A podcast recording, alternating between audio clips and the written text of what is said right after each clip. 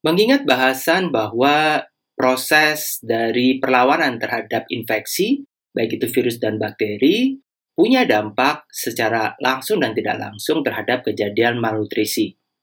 Beberapa studi baru-baru ini juga menyimpulkan bahwa kondisi ini, kondisi infeksi yang terjadi secara kronis, apabila berlangsung dalam jangka panjang, juga dapat mengganggu pertumbuhan anak. Ketika seseorang tumbuh, sel-sel otak melepaskan atau menginduksi pelepasan dari growth hormone atau hormon pertumbuhan.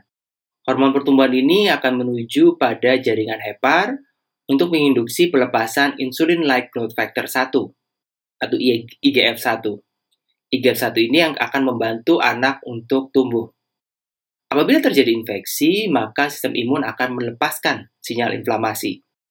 Sinyal inflamasi ini bisa mengganggu iterasi atau pengaruh dari pembentukan IGF-1 yang diinduksi oleh growth hormone.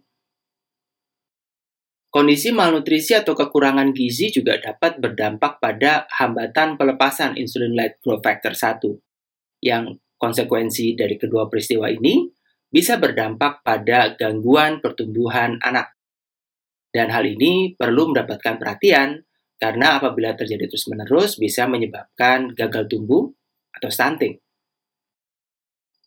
Seperti bahasan pada beberapa video sebelumnya di mana ada lingkaran setan atau vicious cycle dari kondisi malnutrisi dan penyakit infeksi.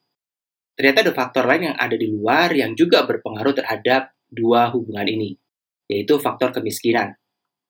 Faktor kemiskinan bisa berdampak pada penurunan ketahanan pangan karena kemampuan seseorang dalam membeli bahan makanan berkurang.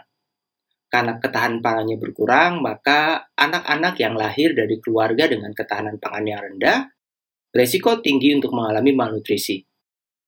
Selain itu, kemiskinan juga bisa berdampak pada rendahnya sanitasi, kondisi rumah tangga yang buruk secara fasilitas dan kemampuan untuk pembersihan, yang berdampak pada mudahnya terjangkit penyakit, adanya peningkatan patogen load, serta adanya enteropati.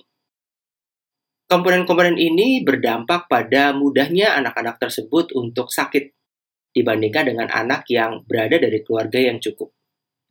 Kondisi kemiskinan tidak dapat dipungkiri berdampak terhadap kejadian malnutrisi. Dalam video ini, kita juga membahas bagaimana kemiskinan berdampak terhadap vicious cycle, koneksi antara malnutrisi dan penyakit infeksi.